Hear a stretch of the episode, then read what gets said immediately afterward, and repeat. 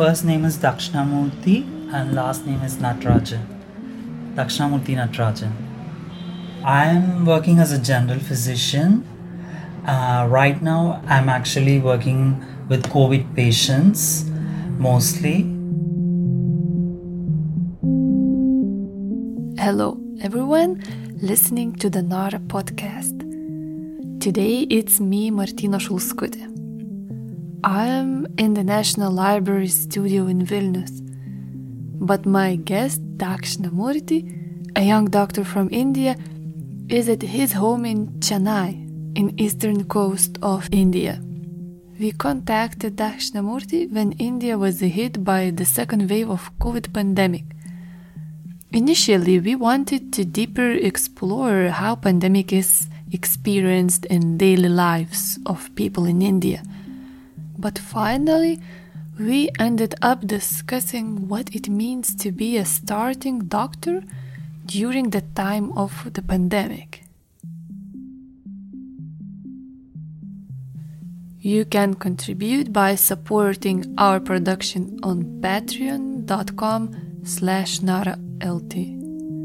Enjoy the episode.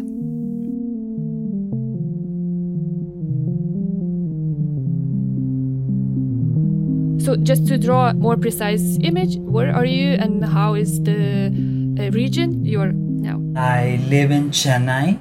It's in the south of India. It's in the state of Tamil Nadu and it's the capital city of the state.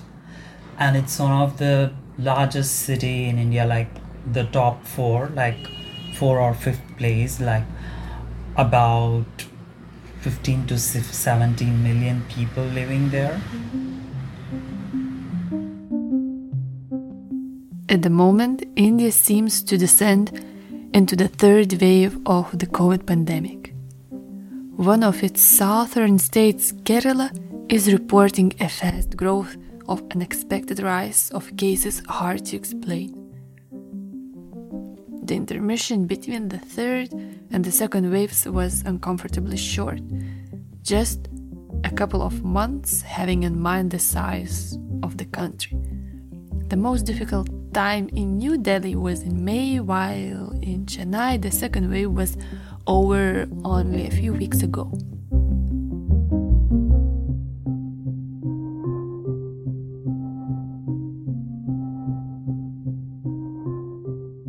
I was working in Goa before three months. I just moved recently to Chennai when the second wave started.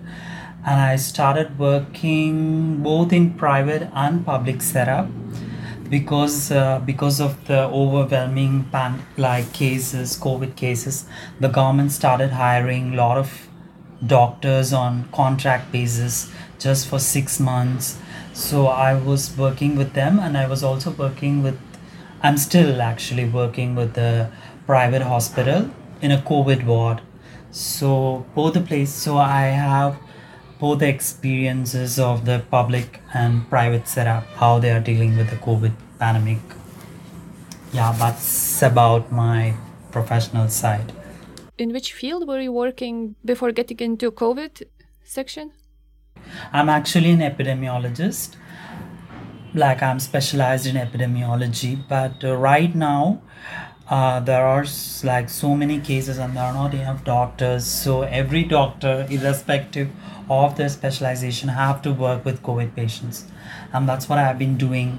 I was actually working in the airport, in the Goa International Airport project, and suddenly because of so much the rises in the cases they started a isolation center for covid patients which is where i started to work with covid and then i kind of became a covid specialist because i've been working since the beginning of the pandemic and i'm continuing the same after coming to chennai as well I'm not doing any research or anything, but it's just I'm dealing with patients directly, treating them. This is what I'm doing. Okay. Uh, can you explain what that means to work with COVID patients? What are your daily duties? So I actually work with mild to moderate cases because in COVID we have like mild, moderate, and severe cases. So the mild patients and the uh, and the moderate cases, they don't, who does not need ventilation, like who doesn't have to be in a critical care unit, I take care of them. And uh, so it's like when they are diagnosed with COVID, when they are coming with, I know how to manage with mild like fever and like whatever like mild symptoms they have. And i decide like when they have to get ventilation when the respiratory rate is going down like you know when it's increasing or when their oxygen saturation we have certain criterias for patients to be mild and moderate. So there is something called oxygen saturation that everybody knows. So if the oxygen saturation goes it's usually from 98 to 100 which is normal. And uh, when it goes below 95 then this patient needs oxygen support. And if it goes below 88 then they need ventilation. So these are the criteria and it's also based on the respiratory rate like how distressing symptoms they have. And if they have any comorbidities like if they have diabetes and it also depends on their age. So it's like a lot of clinical indicators we decide on this. But when i started with the first wave i have treated about 800 to 1000 patients worked with them like uh, and discharged all of them but there was not even a single fatality. Nobody died. And uh, like all of them were having very mild symptoms just mild fever. And most of the people were just got mild fever once they came to know that they have covid because of fear. But most of them were having mild sore throat and it was very mild like and uh, this was i was living in goa and so i was also in the beginning uh, when covid came everybody was in a panic mode because all around the world people were dying and everything. And uh, it was the same scene in india because we didn't know what it was and how there was so much panic. And i was i felt very discriminated in goa where i was living. My landlord suddenly said um, because you're a doctor you have to vacate the house and they were so scared that i will bring the disease to the flat where i am. And my company has managed to give me a flat and everything. They were so helpful with me. But uh, in the beginning i also had this fear oh my god like oh what if i what if something goes wrong? Nobody knows what medicine everything was so experimental. And uh, but as soon as i started working with like 100 patients and i everybody was like rt-pcr positive and nothing happened with them and like day by day my confidence just increased like i had to go with ppe and like i was really scared but later on i didn't get really scared because I saw nothing has happened to any of these people. But th- there is also one thing because this was an airport project and all all of them were just young people, less than 35 years of old. Nobody had any comorbidities like and they were all like very strong people. So that could be the reason that I but when I moved to Chennai, I had the same impression. Oh, I know COVID. It's nothing. And also in the airport setup, it's not a big hospital. It's just a first aid center where we didn't have sophisticated uh, radiology department or to check CT scan or anything like that. But when I came here, it was um, to my surprise when I checked people um, with CT chest I was really shocked with the kind of images I've seen that that how their chest was infected for 29 year old and 30% involvement 40% involvement which was which was which really shocked me because uh, that I could also get this. And uh, they went to this level that they needed oxygen and ventilation. And it was not just people with diabetes or hypertension or any other it was just normal people who are really otherwise strong and immune. And they were also affected by that. And even so there were a lot of people who were vaccinated. And i saw in my experience that people who are vaccinated even if they are old they had milder symptoms compared to the ones who did not vaccinate at all. And um, this time i had to change all my perspectives about covid. Uh, and everybody has loss of sense of smell. And there was very high fever. Like a lot of people died a lot of people died. Many of my friends mother like they died like everyone that i know somebody lost something and it was very distressing. And the cases was just like spreading like wildfire. Like if i am testing like five cases out of this five three of them or four of them are positive sometimes. And suddenly like one and a half months ago the cases so many like we already know that there was a situation in delhi where there were no place in the crematorium to bury and then we also know that in delhi the capital of india there were no oxygen there were no access to uh, like oxygen to many it's not just covid itself why people died it's because of lack of access to healthcare like and they didn't have beds. Suddenly, where I started to work, it's only 20 patients in a ward where there can be only 20 patients. We had more than 45, like double, more than double. And it was so overwhelming for everyone. Everybody was starting to get panicking because people start to die, like even the healthcare workers, even the ones who are. And then the suddenly because the first wave was so mild and the vaccine came nobody wanted to take it. No covid is just gone. And because of the increase in cases so much everybody got this panic and they also like flooded the vaccine centers.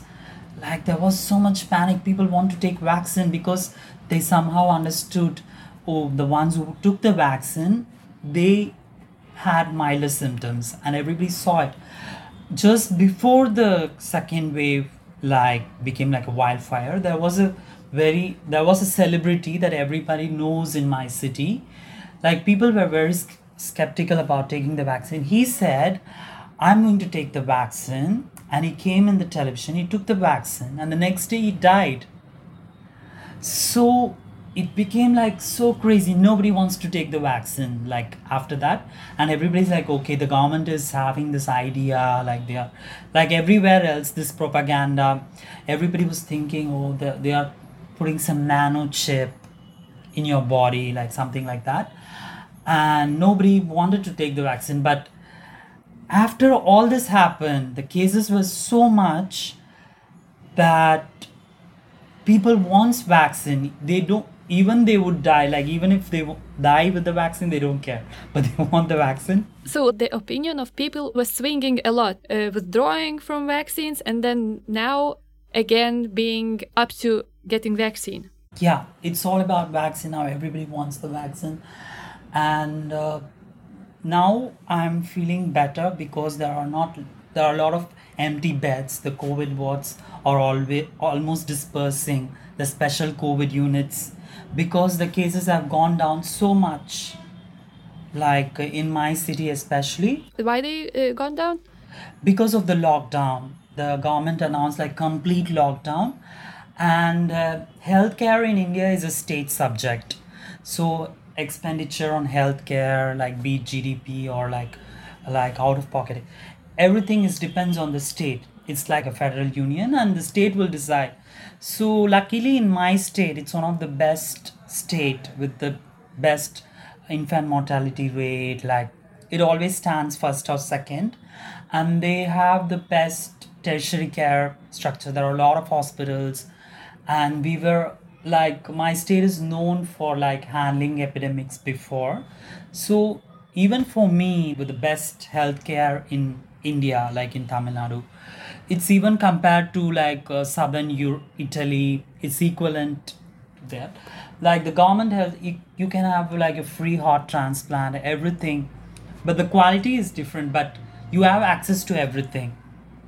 So that's one good thing about and because the state was very well prepared they announced the lockdown and uh, there were social messages like everybody was working and people were cooperating. The government took very special effort to deliver vegetables food to the people like they were giving money like it was very difficult but for a country like india which is poor which is having problem like if you see the other states in india they don't even have hospitals they have nothing like there is maybe only one hospital for the whole city. And we had enough oxygen luckily but still it's a federal country the central government diverted all the oxygen to different state otherwise we had more oxygen actually to deal with and uh, the government So you had to share with other counties. Yes, and the hotels were converted into COVID centers, and there were so many efforts taken by the government. They made every hospital have to admit COVID patients, and the government insurance is free for everyone. So the government also forced the private hospitals to take the poor people to use the like to include the covid treatment. Also it's only because of the government's role in it that it has changed so much. It was very difficult but right now i'm the only way right now is to get vaccinated i feel personally because uh, my dad got covid and he was vaccinated and he's 80 years old and he's diabetic but he had very mild symptoms and I was treating him. I was very scared and petrified. Oh, what is gonna happen to him? Maybe he's gonna die. That's what my feeling was, and I was really like panicking a lot. But luckily, he was he he didn't have anything, and he just got over it. And that's how I can clearly say that vaccine has saved him and i've seen a lot of people like i've seen now i've treated almost around 5000 people with covid like of all ages. So i can clearly say that people who have like some kind of rest like uh, asthma or some allergy who were smokers like you know who just did not do anything they were just oh nothing will happen to me. And they were like suffering a lot like you know. And uh, but it was really intense the high fever and everything which shocked me so much. But luckily it's over because um, i think it's the government's policy and how they handle everything. The complete lockdown has helped the trans transmission. It was very strict. Even for me to go from my house to go to the hospital which is like 18 kilometers every area that I passed, there was a checkpost. Like the police, each block was being controlled, and I had a special ID. And nobody was allowed except doctors and ambulances to travel anywhere. No exception was given. It was very, very strict.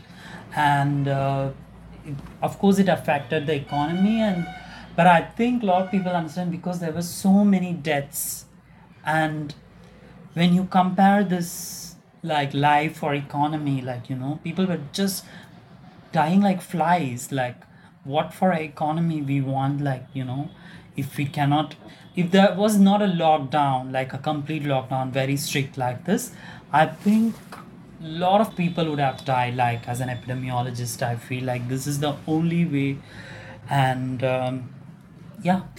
And how people were accepting this uh, lockdown because uh, as you said uh, that it had a really big effect on economic and i guess of people's uh, livelihoods so how were people accepting it how were they surviving how their attitude towards government changed or how they perceived choices and methods of government I think um, in the beginning when it started, people were not serious because they were like, oh, the lockdown again.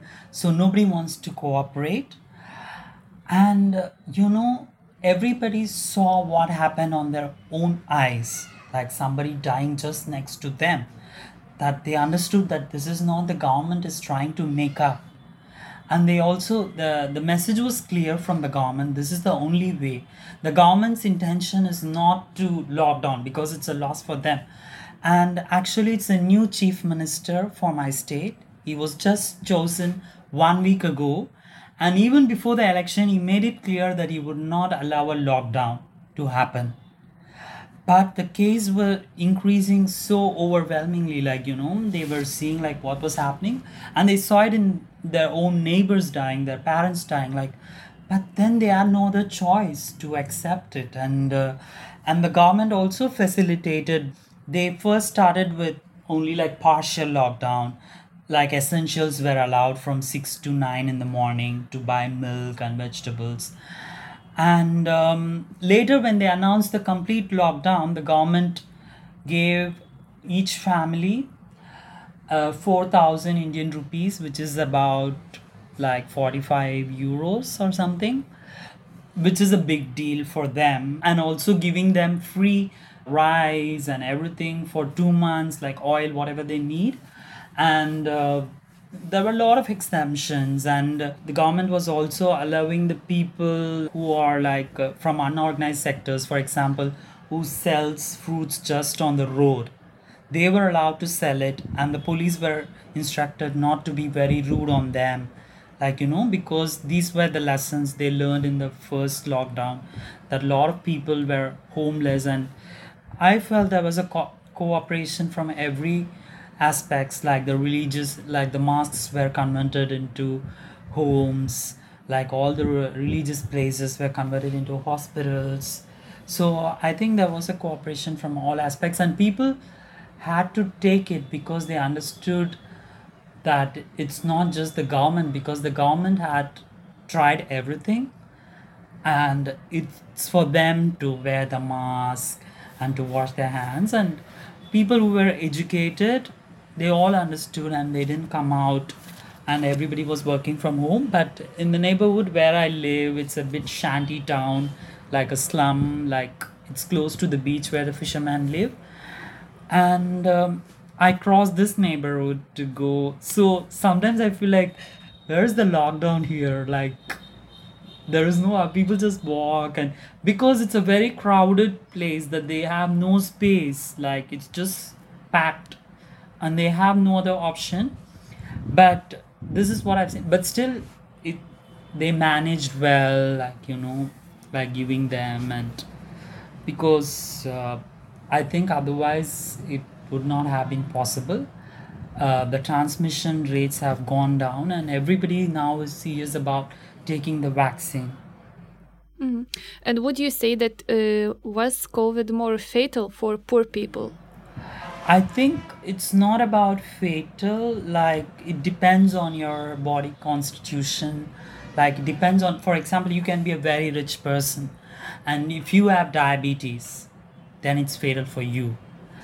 But I, w- I have also experienced that there was, I wouldn't say like the healthcare was working, but there were also experiences like the in the public hospitals that the healthcare professionals were not really empathetic because of the overload.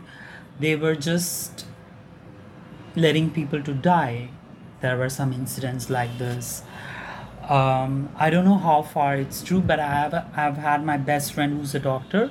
He's living in Delhi, so his grandma was living in another small town. Like all these experiences I'm sharing from the city, but in the small towns, I have no idea. Maybe it's very different. They didn't have access to. So his grandma was well, and she needed oxygen. He called her and sent her to the district headquarters hospital but she was not given the medicines according to the protocols being a doctor he knew he called them and said but they were not doing anything and they just let her die because she's 76 and uh, i'm not saying that these kind of things are not happening like when you're being poor. And also the private healthcare like the private sector was trying to make profit out of this. They saw this as an opportunity to because there was a lot of fear in people. Even with the mild cases they were just caring oh maybe you need oxygen you have to get hospitalized. And they had a lot of money so they would pay they would stay in a five star hotel paying 200 euros per day and they actually can just home quarantine. I've seen that myself like you know they would just tell them oh we need more tests so this exploitation was happening on the other side like there were profit mongering people from the private sector who just wants to make profit who wants to sell remdesivir, this antiviral injection, which is not even actually approved by FDA, but like everybody, just like how the vaccine came out, everybody thought remdesivir, remdesivir, remdesivir. This is the life-saving drug.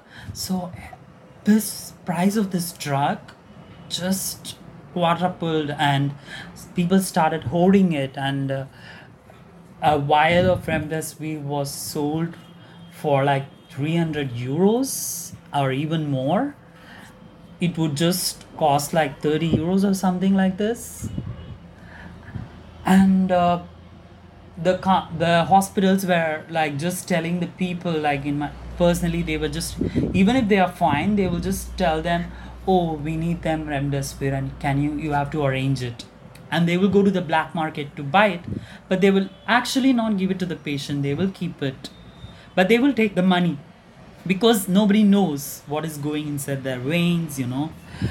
These sort of ugly things i have seen like in the private sector on the negative side Mm, on the public health setup of course the there were no beds people were just put on the floor with mat like everybody was so rude to them sometimes it's just there was so much negligence that they were just overworking and it was not a like it was too difficult for me to go through all of this because I worked in both the setups. On the one side, people are having like five stars, paying more money and then exploited for their money. On the other side, it's just people who were not able to pay anything, and they were exploited because they were just treated like a mass of crap, you know.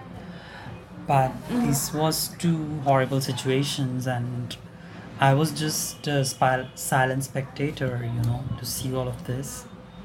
hmm And you uh, mentioned that uh, that some doctors would uh, lose their empathy, but how was for for you? Were you able to keep your empathy, and when were most difficult times, and how are you now after treating, like you said, one thousand uh, patients, with which is a lot, and uh, yeah, how it's now? Uh, how are you dealing with this uh, overload of people you have to encounter?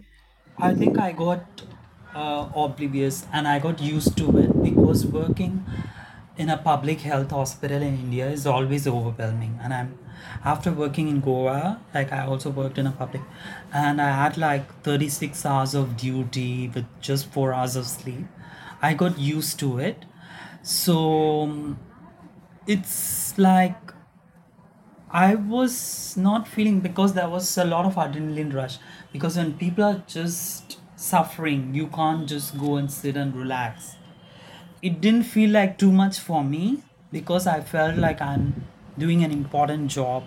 And this is it's my job to do it. And uh, actually speaking i was um, i was self motivating and i was feeling proud about myself. And also everybody there was a lot of respect. People acknowledged that when you give them something with love they understand it. You know you feel that satisfaction that i could feel it. And uh, be it both the places i was just doing my best whatever i could do.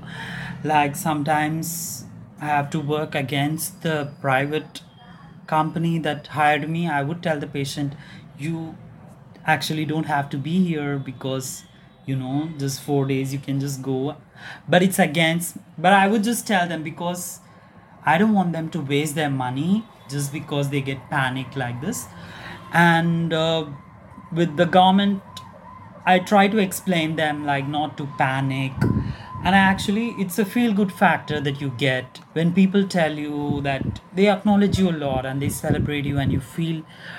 And uh, because of my sexual orientation, I, I, I had a difficulty before the COVID. Nobody wanted to hire me in a casualty because because in a casualty you have to people are coming with emergencies they have this stereotype that you have to be very strong and manly and masculine to fix the bones. And this is the the preconceived notion about what they have to be. And that's the kind of job that i could start working as a doctor. But everywhere i send my cv and i'm immediately called for interview. But once i go for the interview nobody no we will call you back although they need dog they would not take me. And this was a this was very depressing to me that why i'm not getting a job. And uh, sadly because of covid there was so much demand they didn't care about if you're gay or straight. They just you know you need doctor's license job. And that made me that was an opportunity to test like that i could work and i could handle like emergencies so so i took this as an opportunity and uh, it was actually like I just got a jobs like because of COVID. Otherwise, I was just jobless, you know. So for me, to work more is okay than to be discriminated and not to get work.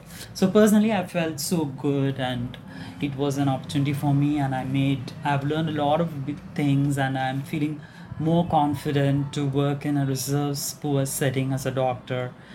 Um, this is just very positive for me i don't feel overwhelmed because of this factor that what i had gone through before so yeah hmm And how was uh, working atmosphere with your with your uh, colleagues, with uh, other people uh, in staff? Uh, mm, were you able to get connected with other uh, doctors and other people working, volunteers or uh, recruited people? yeah because i think it's because of my position. I work only under the consultant and everybody works under under me. So the consultant comes only for a few like minutes for rounds and most of the times i'm the head of the board. So everybody is subordinate to me like so they are obliged to respect me and you know to take orders from me. And i have to coordinate with the consultant like so maybe so the experience was good. And although they will ask like very indirect questions sometimes doctor are you married? Like what about i know like this kind of personal questions is not very inappropriate. They just want to know why I'm, some people just uh, tell me like uh, that i'm very feminine and uh, I get angry, but I don't react because I don't feel like it's my job to educate them. But it does like uh, take a toll on me. Why is it a problem? Like sometimes, like I'm just having a pink kerchief, like uh, you know, when I wear a helmet. I don't think like what color it is. Like I got it from my sister. Like just tie it and then I just doctor, why you have to use a, even a pink kerchief? Like it's not very manly. Like so they are observing me a lot. But I also see like a lot of people see beyond that. Like they understand that I'm feminine, but they see that I'm a doctor, that I can work well, and they respect me for that. And uh, I see both these things, like you know. So I'm trying not to let these things affect me, but slowly, slowly, I feel like I have to scrutinize myself, like the way I.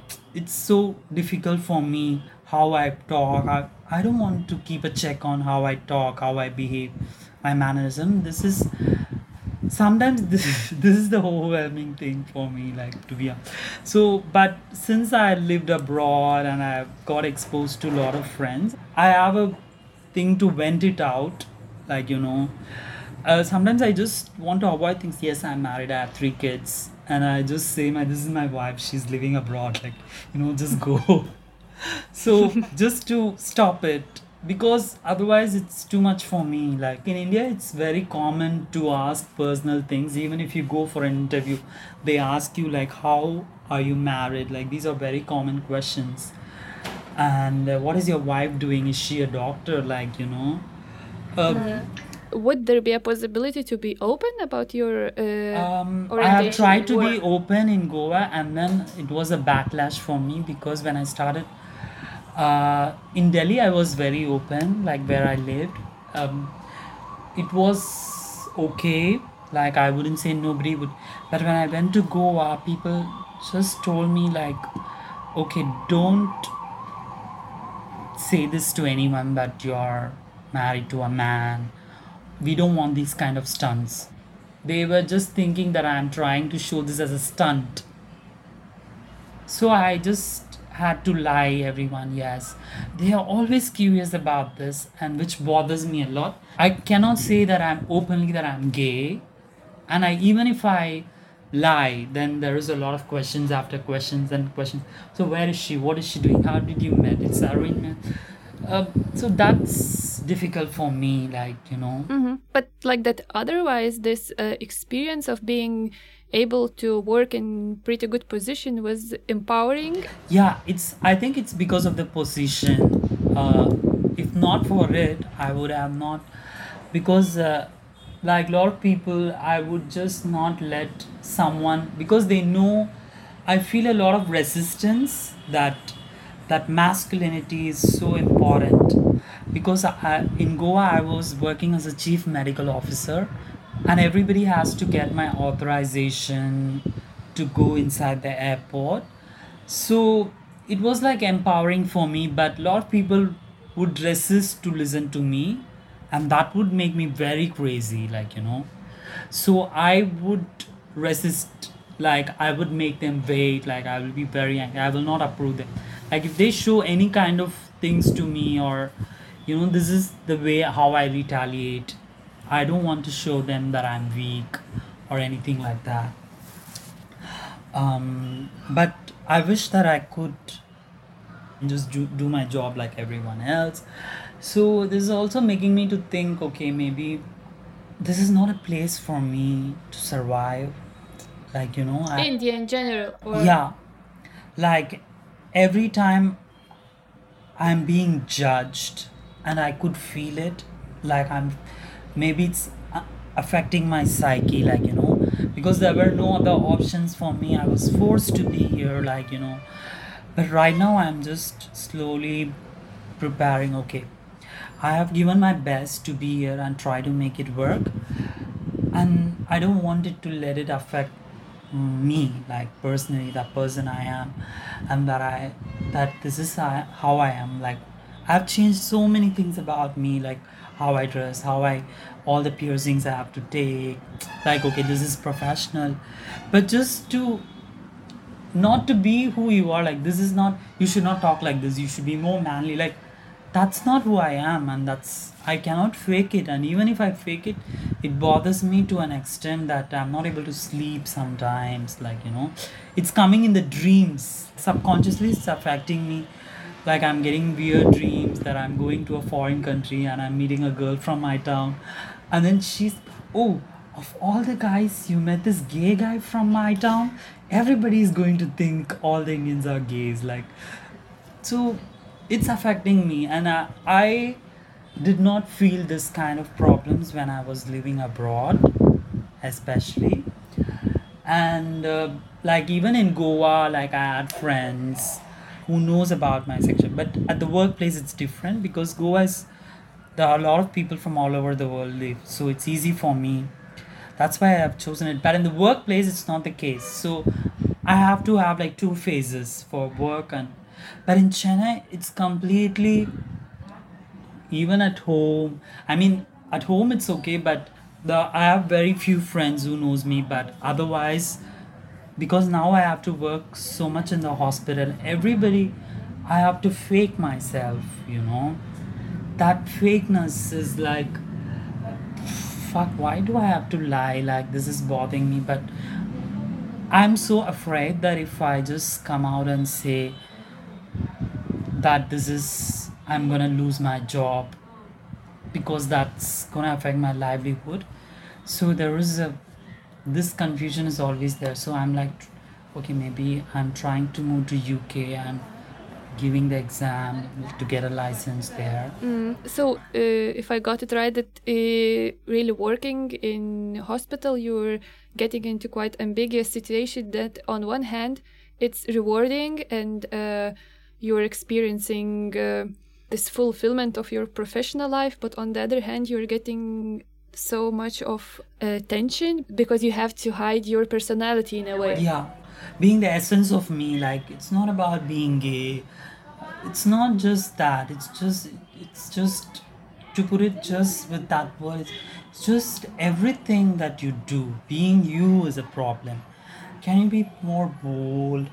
And these are the ways they tell you. Talk loudly, and all the time, everyone tells me, you have to talk louder. You have to talk louder. And I feel like I am talking loudly. Like, what do you mean by talking loudly? Like, uh, I think you're very soft. Like, okay, whatever I am, this is how I am, you know.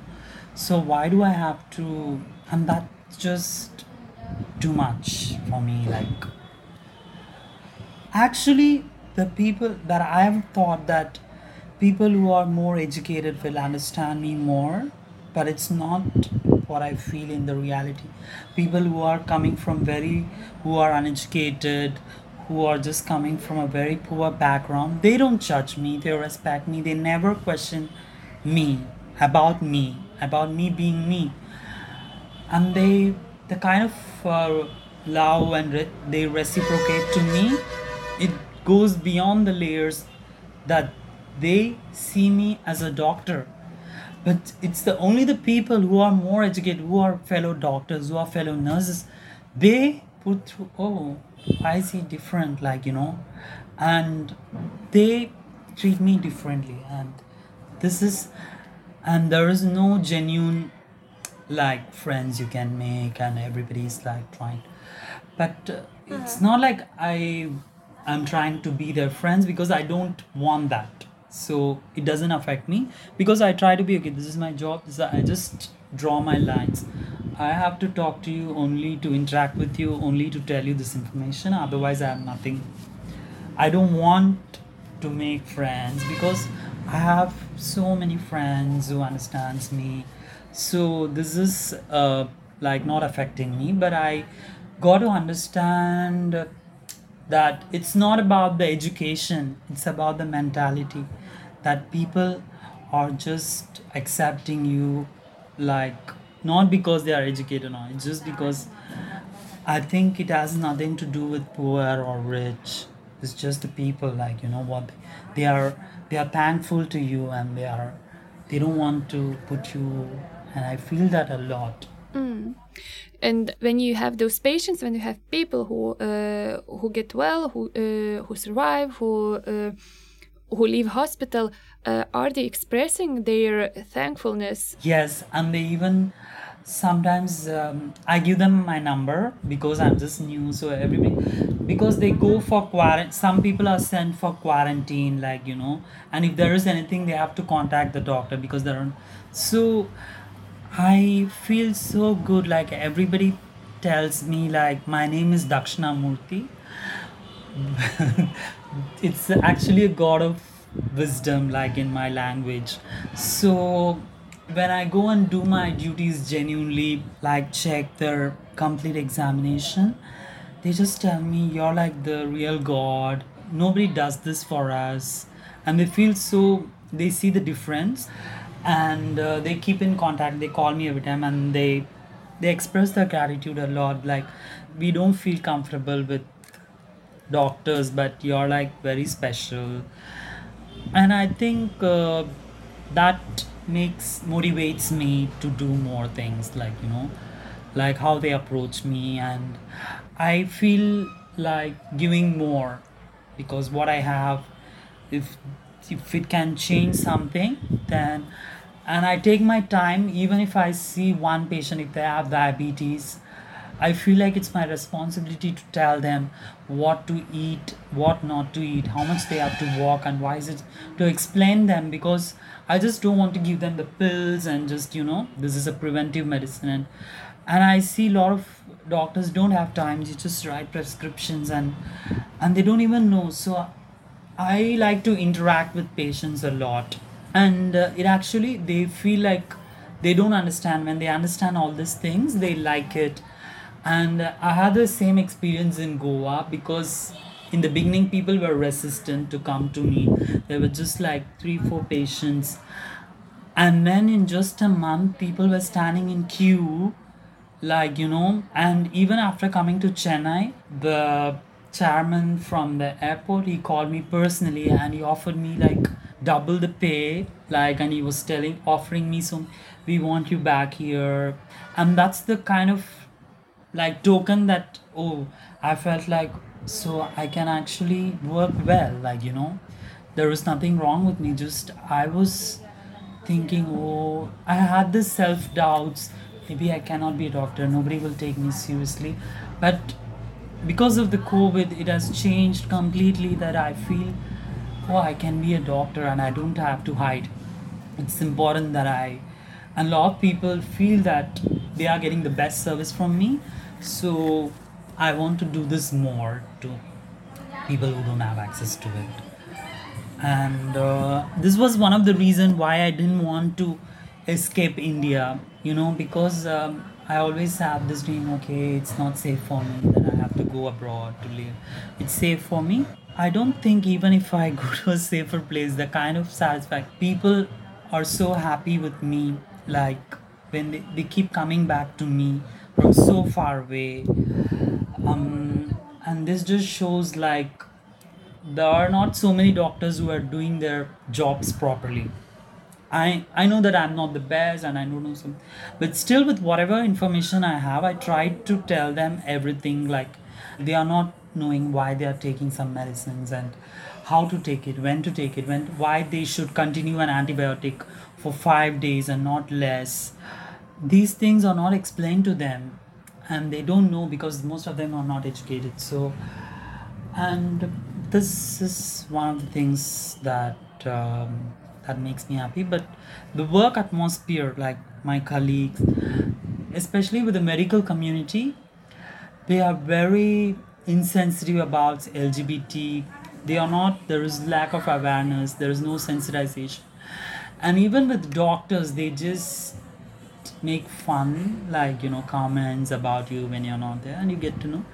And that's the horrible thing like you know because these are the doctors who are talking like this so Mm, that even doctors live in stereotypes and they are not uh, like their education doesn't make difference.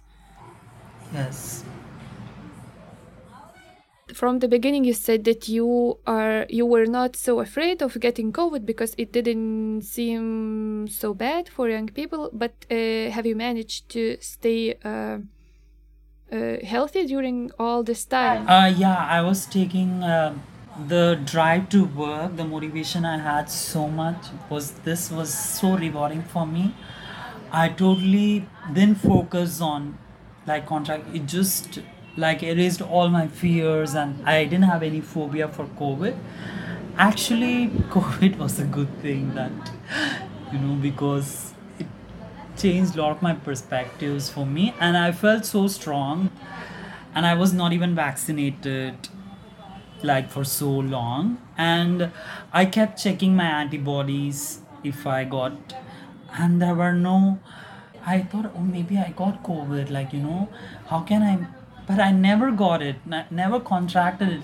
I also felt like uh, this is a this is a sign that uh, if you give like you know you don't have to be scared like i'm not saying like go and get but uh, somehow it's just your, your inner feeling that you're doing a good thing and you're not going to suffer for this. That was my inner feeling and it never affected me like you know that i never felt scared i sometimes to be honest i went even without ppes like to the Protection or yeah, without protection, just with a mask because there was an emergency. I had, there was no time to put the PPE on. I didn't care. I didn't bother. And then later, I checked my antibodies like did I get it, but no, it wasn't the case. So I don't want to be like on the panic mode because I also understand this when you are on a panic mode, there is too much cortisol, the stress hormones releasing that suppresses your immune system. So when you have very good, like strong immune system, you don't want to be on a panic mode, like you know, and that I understood it very clearly, and I was eating very special food, taking care of myself. My mom was there; she was giving me like everything. And she was in Goa. no, in Chennai, when I came here.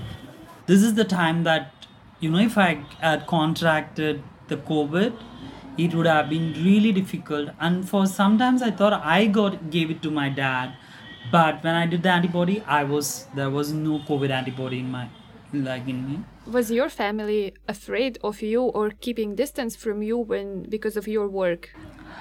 Uh, to a little bit, but they would not tell me like it was just like they were not discriminating me or anything. But my sister, she was like, "Oh, you should take shower and come," like these kind of things, like before.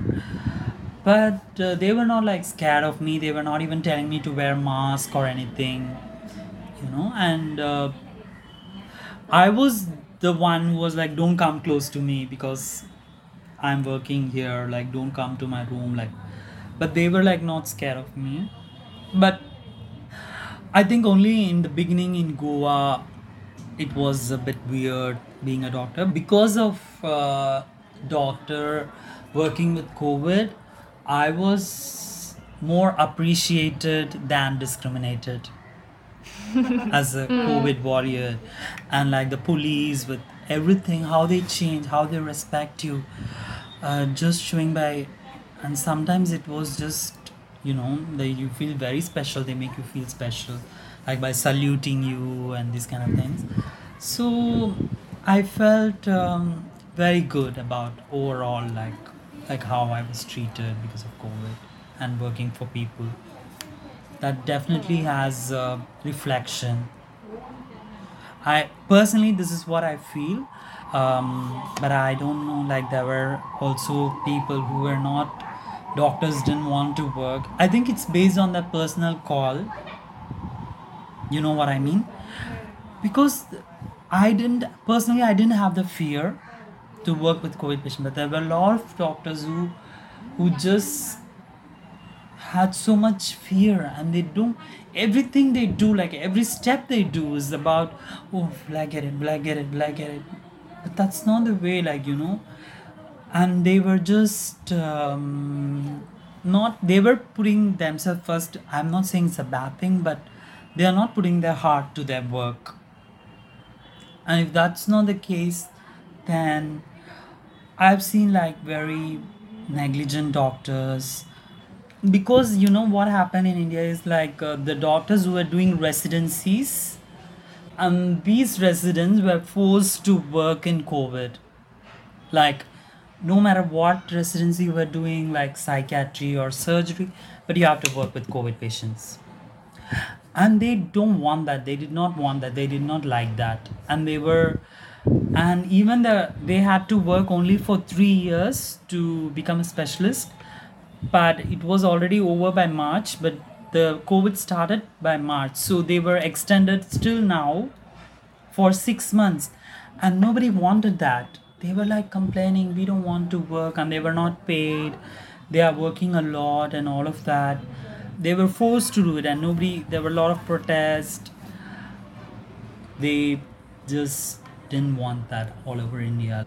I guess those protests they didn't change much or uh, no nothing has changed. And they were asking for concessions not to keep an exam because they're already overworked and to consider the period of work as an experience as a senior resident but i don't know the government has postponed all the exams now until the end of august so we will come to know like what perks they get for working only after that Yeah. As you said, vaccines uh, is uh, most uh, important question now. So I guess all doctors they are vaccinated yeah at this moment, yes and you are also vaccinated. yes Mhm. And what vaccines are present in uh, India? So we just got a Sputnik V from this week from Russia, which is available. But uh, first thing we have, what we India has made their own vaccine, Covaxin. It's called Covaxin. It's indigenously made, and um, there is an another Covishield, which is the generic version of AstraZeneca that what the Oxford. So right now I'm vaccinated with Covishield, the AstraZeneca version. That's like the most available one right now. And do people have preferences? if you go to a private health setup, you can choose. But if you go to a public, because it's free, you just have to take whatever they have. So right now, people have the option to choose from Covishield, which is the AstraZeneca, and Sputnik V. But the Covaxin is like available only with the government uh, setup right now as of now but they are also negotiating with pfizer's moderna in my state there is a very good like uh, supply chain management the procurement and everything and health is a priority. The healthcare workers are just coming to houses and calling the people and taking them to the health centers to vaccinate them. But right now like people wants to take the vaccine as soon as possible because that's the only way they they think third wave is coming and they can prevent themselves from it. Mm. But so, did I get it right that if you go to private place, then you would be able to get Sputnik most probably? yeah just from this week in some hospitals not in every hospital but you have to pay for that but if the if you go to the government setup it's completely free and uh, you don't have to pay anything And this last uh, wave, the second wave, was it Delta version or why is it stronger? Yeah, there was like um, the the strains that they found like B, like B one six one point seven, like whatever they call it as it was a, it was a mixture. It was a cocktail of like many things. But luckily, uh, the vaccine was working for the like the version that came this time. Mm, like even like I think in my experience the people who had vaccine they had very milder symptoms like and they just I don't know about like the how is it going to be for the next variant but it worked well for the and the ICMR the the Indian Council of Medical Research also found out in their research that it's working for this variant as well mm. Thank you for listening to this episode of the Nara podcast. We recommend you to visit our webpage Nara LT, where you can find photographies of Dakshinamurti made by himself in one of the COVID wards in Chennai, India. Nara music composer is Martinas Gailius. The sound engineer is Kata Bitoft. If you like this episode, please support us at patreon.com NaraLT. It keeps us going. Stay safe, enjoy summer, and see you soon.